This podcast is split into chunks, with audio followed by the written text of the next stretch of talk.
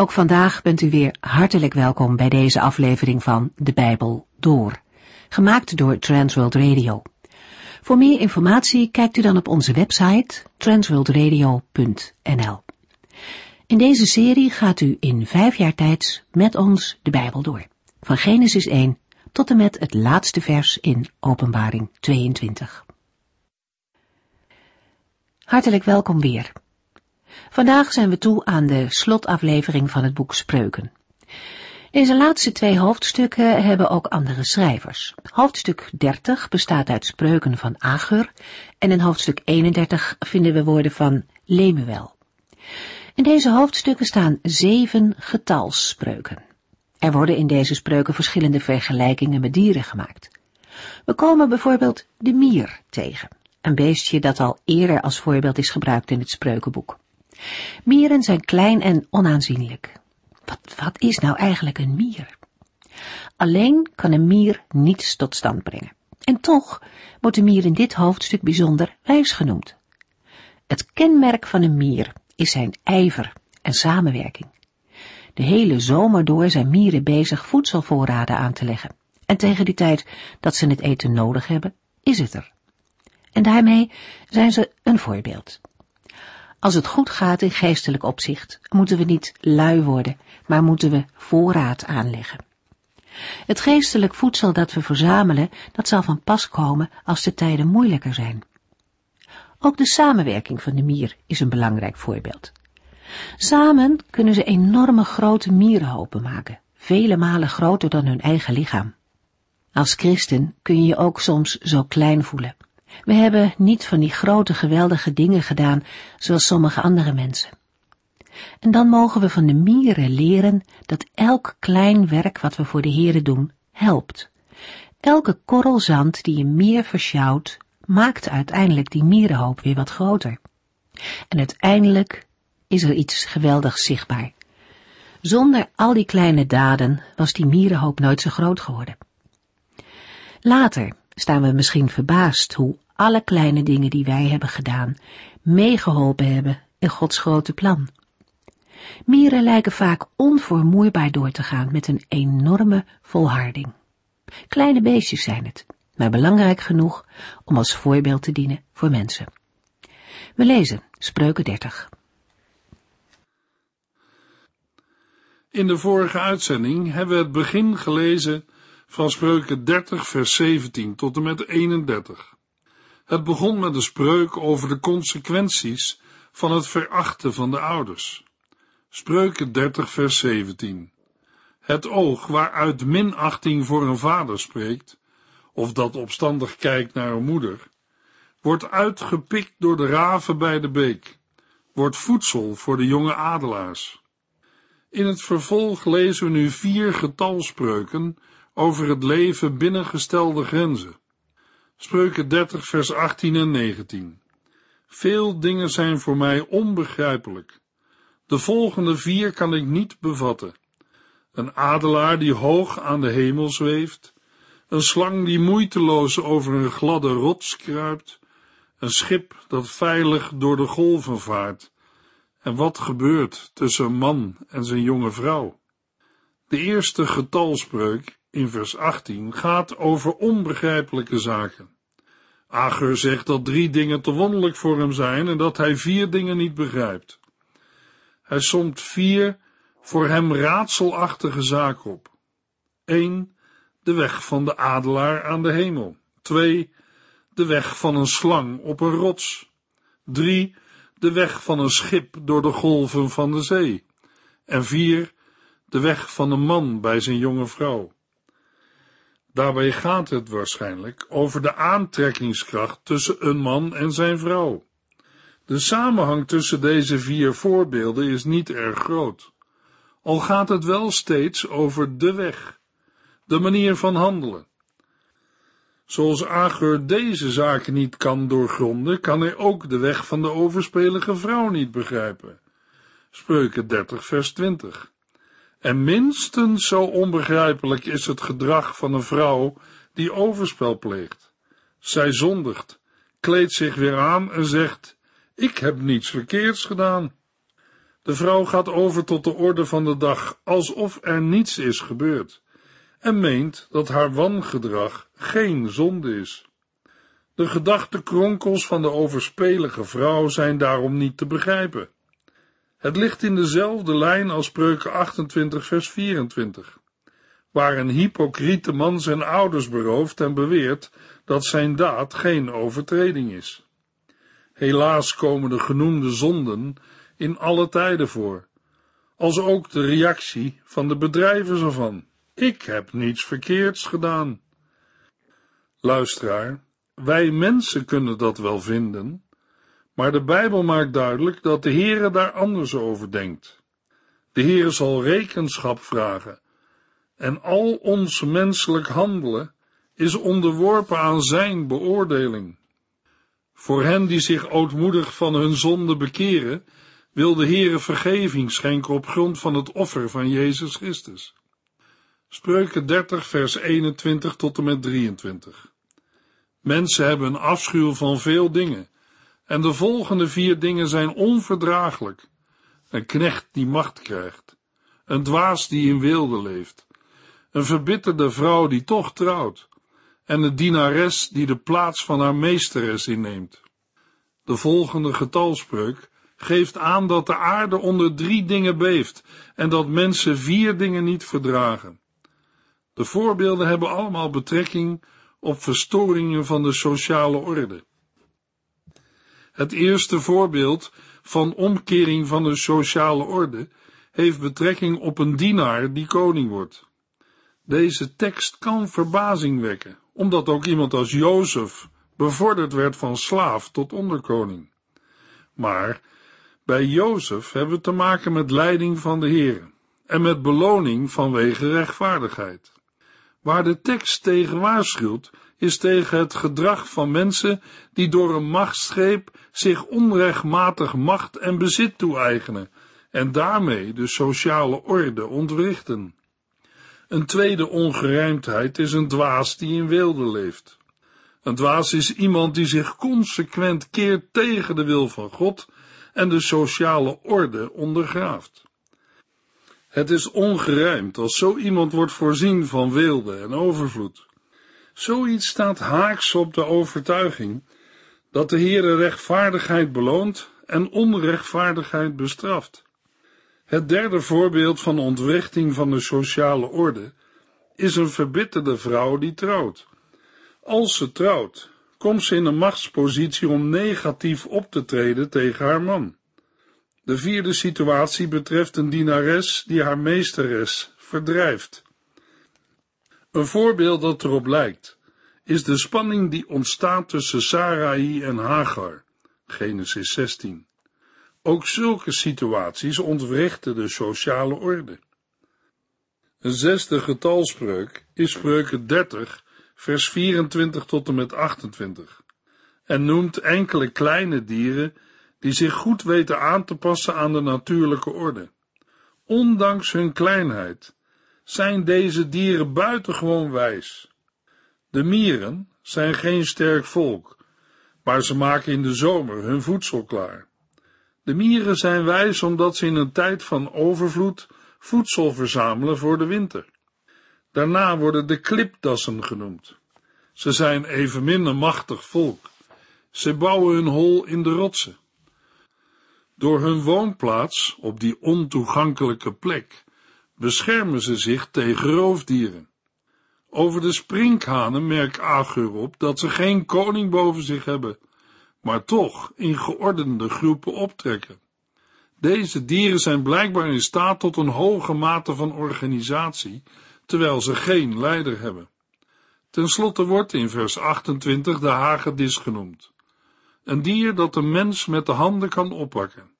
Het beestje, waarmee vermoedelijk de gevlekte gekko is bedoeld, is klein en in oosterse huizen te vinden, waar het vaak tegen muren en plafonds opklimt. Het is ook in het paleis van een koning te vinden, terwijl heel wat mensen daar niet in doordringen. Nadat Ageur gesproken heeft over kwetsbare en wijze dieren, noemt hij vervolgens in spreuken 30 vers 29 tot en met 31, drie dieren en een mens die statig zijn en invloed hebben. Ze representeren de top van de hiërarchische orde en hebben een statige gang.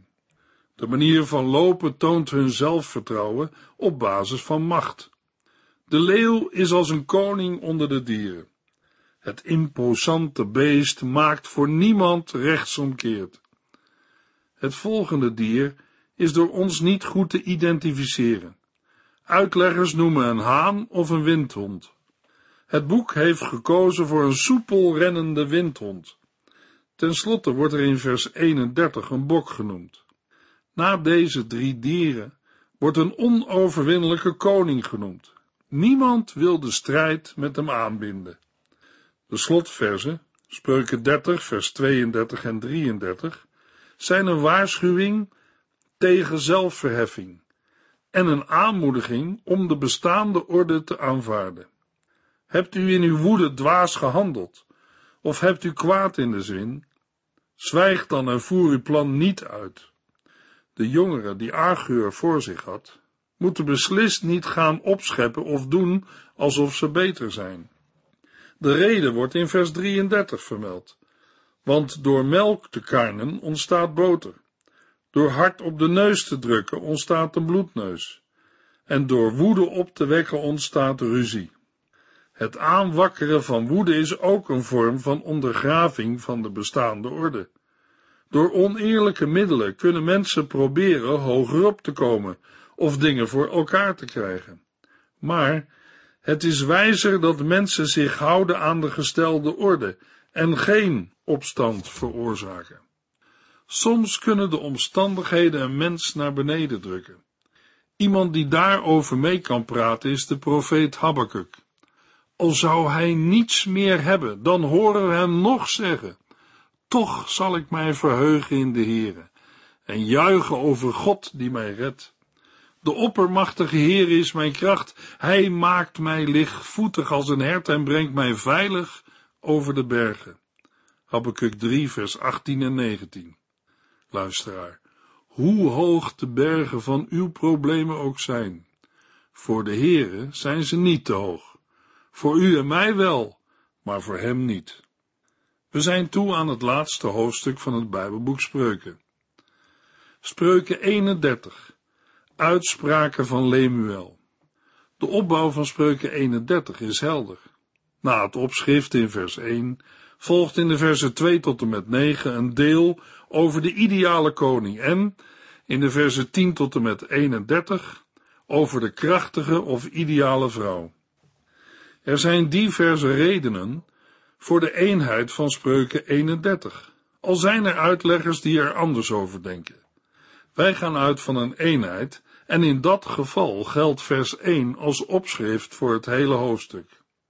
Spreuken 31 vers 1 Koning Lemuel van Massa schreef de levenslessen op die zijn moeder hem leerde.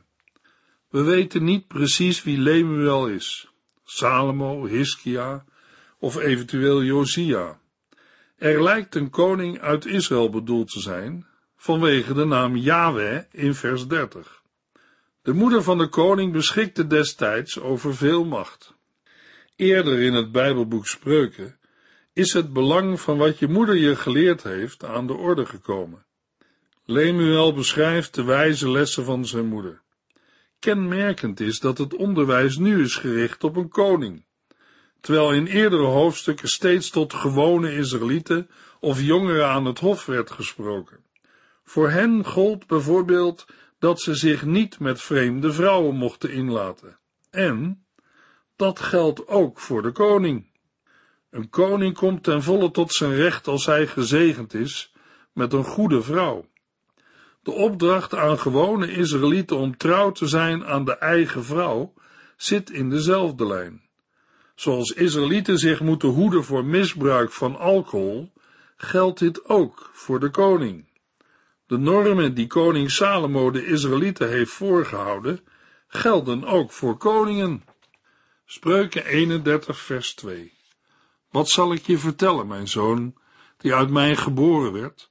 om wie ik zoveel gelofte deed? De aansporingen betreffende het gedrag van een koning beginnen met een uitroep van zijn moeder. De gebruikte taal geeft de hechte band aan tussen moeder en zoon. Vanuit die verbondenheid volgt een waarschuwing. Spreuken 31 vers 3. Lever jezelf niet uit aan de vrouwen. En zet je zinnen niet op oorlogvoering en het veroveren van koninkrijken. Laat de koning zijn kracht niet geven aan vrouwen en zijn levenswijze niet aan hen die koningen vernietigen. Bij vrouwen kunnen we denken aan een uitgebreide harem of overspelige vrouwen. Ze waren de oorzaak van de problemen van Salomo en diverse nakomelingen. Ook een obsessie voor een bepaalde vrouw kan problemen opleveren, zoals blijkt uit de geschiedenis van David en Bathsheba in 2 Samuel 11 en 12. Spreuken 31, vers 4 en 5. Het is niet goed als koningen te veel wijn drinken, Lemuel. En drankzucht past niet bij hen, want als de koning te veel drinkt, loopt hij gevaar de rechtvaardigheid uit het oog te verliezen, wat de onderdrukten kan benadelen. Vers 4 sluit aan bij waarschuwingen tegen drankmisbruik. In de Oosterse wereld kwamen deze waarschuwingen vaker voor. De reden om zich te onthouden van alcoholische dranken is dat de koning niet de rechtvaardigheid uit het oog moet verliezen, wat de armen en onderdrukten kan benadelen. Door de drank kan de koning niet meer helder denken en zal hij geneigd zijn zijn besluiten te veranderen, vooral ten nadele van de zwakken.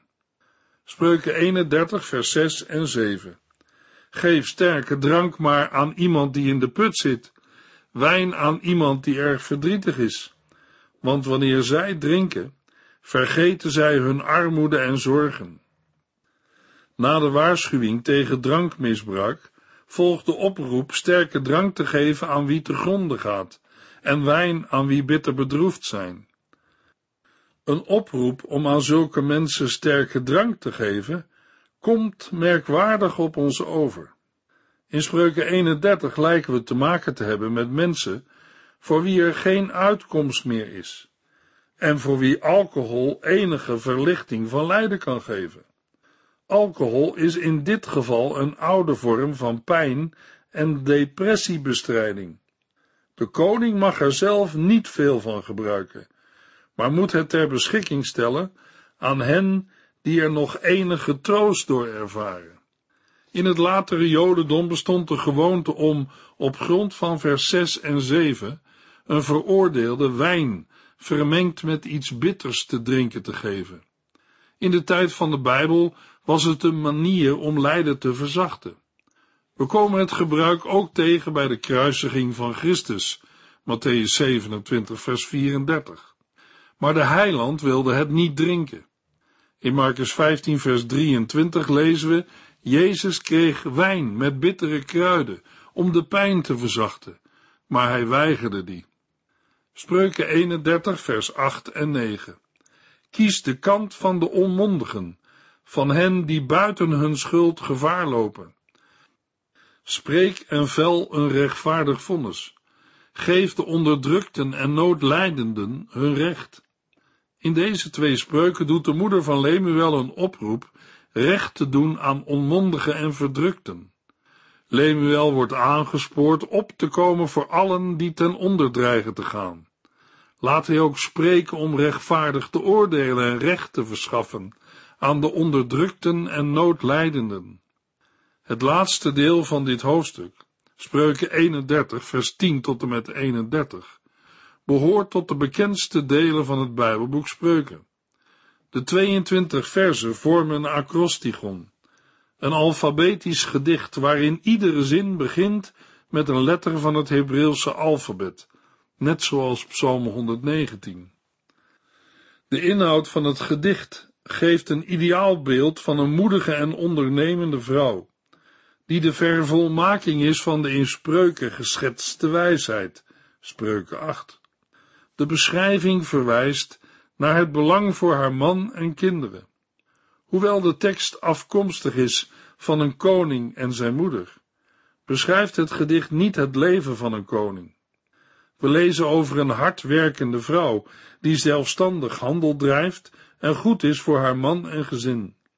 Dit ideaalbeeld van een vrouw uit de hogere klassen heeft een algemene functie. Spreuken 31 vers 10 tot en met 12. Wie is zo gelukkig een goede vrouw te vinden?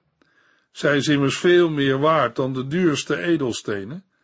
Haar man vertrouwt volledig op haar en het zal hem aan niets ontbreken. Zij benadeelt hem nooit, doet haar hele leven goed. Het gedicht begint met een retorische vraag. De kracht waarop de moeder van Lemuel hier doelt, kunnen we vergelijken met die van Rut. Een vrouw die door zelfstandig handelen en vaardigheden invloed en rijkdom verwerft. De waarde van een dergelijke vrouw gaat edelstenen ver te boven. Het hart van haar man vertrouwt op haar en het ontbreekt hem aan niets. Zo'n vrouw doet haar man alle dagen van haar leven goed en geen kwaad. De versen 13 tot en met 27 omschrijven de daden van een goede vrouw. De bronnen waaruit ze haar inkomsten haalt, worden verwoord in de versen 13 tot en met 18. En wat zij produceert in de versen 20 tot en met 27. Terwijl vers 19 functioneert als verbindingstekst. Spreuken 31 vers 13 tot en met 18. Ze zoekt wol en vlas, die ze met rappe handen verwerkt. Zoals een koopman zijn handelsschepen uitzendt, zorgt zij dat zij over al het nodige beschikt, ook al moet dat van ver komen. In de vroege morgen, wanneer het nog donker is, staat ze op en zorgt dat haar gezin en het personeel kunnen eten. Als zij haar zinnen heeft gezet op een bepaalde akker, krijgt ze hem ook. Met wat zij verdient plant ze een wijngaard. Vlijtig gaat ze aan het werk. Ze is met opgestroopte mouwen aan de slag. Ze merkt dat haar werk vruchten afwerpt. En het is dan ook vaak nacht voordat zij gaat slapen. Het agrarische werk is de basis voor haar inkomsten. Ze werkt niet onder dwang, maar doet haar werk met vreugde. Het gevolg van haar werk is dat ze van ver haar voedsel kan halen. Haar inzet wordt vergeleken met de schepen van een koopman. Zij is het tegendeel van de eerder in spreuken beschreven luiaard. Ze geeft door haar inzet voedsel aan haar gezin en personeel. Door haar inspanning, zoals het spinnen en weven en de handel, heeft ze inkomsten en de opbrengst ervan is blijkbaar genoeg om investeringen te doen. Ze is bereid tot fysieke inspanning. Ze merkt dat haar werk vruchten afwerpt. Het is ook vaak nacht voordat zij gaat slapen. Door goed beheer van geldelijke middelen zorgt zij ervoor dat er s'nachts altijd brandende olielampjes in huis zijn. Dat was in de donkere woningen van toen geen overbodige luxe. In Matthäus 25 blijft de olielamp branden, terwijl de daar genoemde meisjes slapen. Het blijven branden van de olielamp en het hebben van genoeg olie is een kenmerk van de wijze meisjes. Spreuken 31 vers 19 Snel schiet haar handen over haar spinnenwiel. Vaardig schikken zij het vlas. Vers 19 functioneert als verbindingsvers met vers 13 in de beschrijving van wol en vlas en met vers 20 in de beschrijving van nog meer werk dat zij doet en hulp die zij geeft. Spreuken 31 vers 20 tot en met 27. Ze staat altijd klaar om een noodlijdende te helpen. Iedereen kan op haar hulp rekenen. Ze maakt zich geen zorgen om haar gezin wanneer de winter komt, want ze heeft voor mooie en warme kleding gezorgd. Ze maakt voor zichzelf prachtige tapijten en draagt kleren van fijn linnen en prachtig gekleurde stoffen. Haar man is een gezien figuur op de plaatsen waar recht wordt gesproken en is een van de leiders van het land. Ze maakt linnen kleding en verkoopt die en levert gordels aan de koopman. Kracht en waardigheid stralen van haar af en zij ziet elke nieuwe dag met vertrouwen tegemoet. Uit haar woorden spreekt wijsheid en de wil om goed te doen. Zij weet precies wat er in haar huishouding gebeurt en op luiheid zul je haar niet betrappen. De versen 20 tot en met 27 laten de bijdrage van een goede vrouw aan de familieleden en de maatschappij zien. De nadruk ligt op wat zij voor haar echtgenoot betekent. Zij strekt haar handen uit naar de armen en behoeftigen. Een belangrijke opdracht voor de Israëlieten, ook voor de koning. In eerdere versen is al duidelijk geworden dat een goede vrouw wijsheid bezit. Ze is verstandig, ijverig en gericht op het belang van huisgenoten en de maatschappij. Als wijze vrouw geeft ze haar kinderen op een vriendelijke manier onderwijs. Ze waakt over haar huishouding. Ze houdt in de gaten wat haar man en kinderen doen. Haar handelen wordt gekenmerkt door praktische wijsheid. In de afsluiting, de versen 28 tot en met 31, komen de gezinsleden aan het woord. Uit vers 29 blijkt dat zij niet de enige goede vrouw is, maar wel de beste. De laatste twee versen bieden een kernachtige slotomschrijving van een goede vrouw en een aansporing haar te waarderen. Uiterlijke schoonheid is bedrieglijk en verdwijnt, maar een vrouw die ontzag heeft voor de Heere verdient bewondering en lof. Haar goede daden zullen haar eer en erkenning opleveren, zelfs van hooggeplaatste mensen. Spreuken 31 roept bij hedendaagse vrouwen ook wel eens gevoelens van minderwaardigheid op. Dan is het goed te beseffen dat hier een ideaaltype beschreven wordt, dat zowel aan mannen als aan vrouwen wordt voorgehouden. Ook zaken als de relatie in het huwelijk, het belang van het gezin en eigen huishouden komen aan de orde. Het slotgedicht van Spreuken dringt iedere lezer tot een keuze, welke richting hij of zij wil kiezen. In de volgende uitzending maken we een begin met de brief van de apostel Paulus aan de gelovigen in de stad Filippi. U heeft geluisterd naar De Bijbel Door, in het Nederlands vertaald en bewerkt door Transworld Radio. Een programma waarin we in vijf jaar tijd de hele Bijbel doorgaan. Als u wilt reageren op deze uitzending of u heeft vragen, dan kunt u contact met ons opnemen. Tijdens kantooruren kunt u bellen op 0342 478432. 0342 478432. Ook kunt u een e-mail sturen naar de transworldradio.nl en natuurlijk kunt u ook via de post ons bereiken. TWR, postbus 371, postcode 3770, AJ in Barneveld. Dit programma werd gepresenteerd door Cor Weda en Ike André. Techniek was in handen van Odin van Voorkom. En wij allemaal bedanken u voor het luisteren. Graag tot de volgende keer.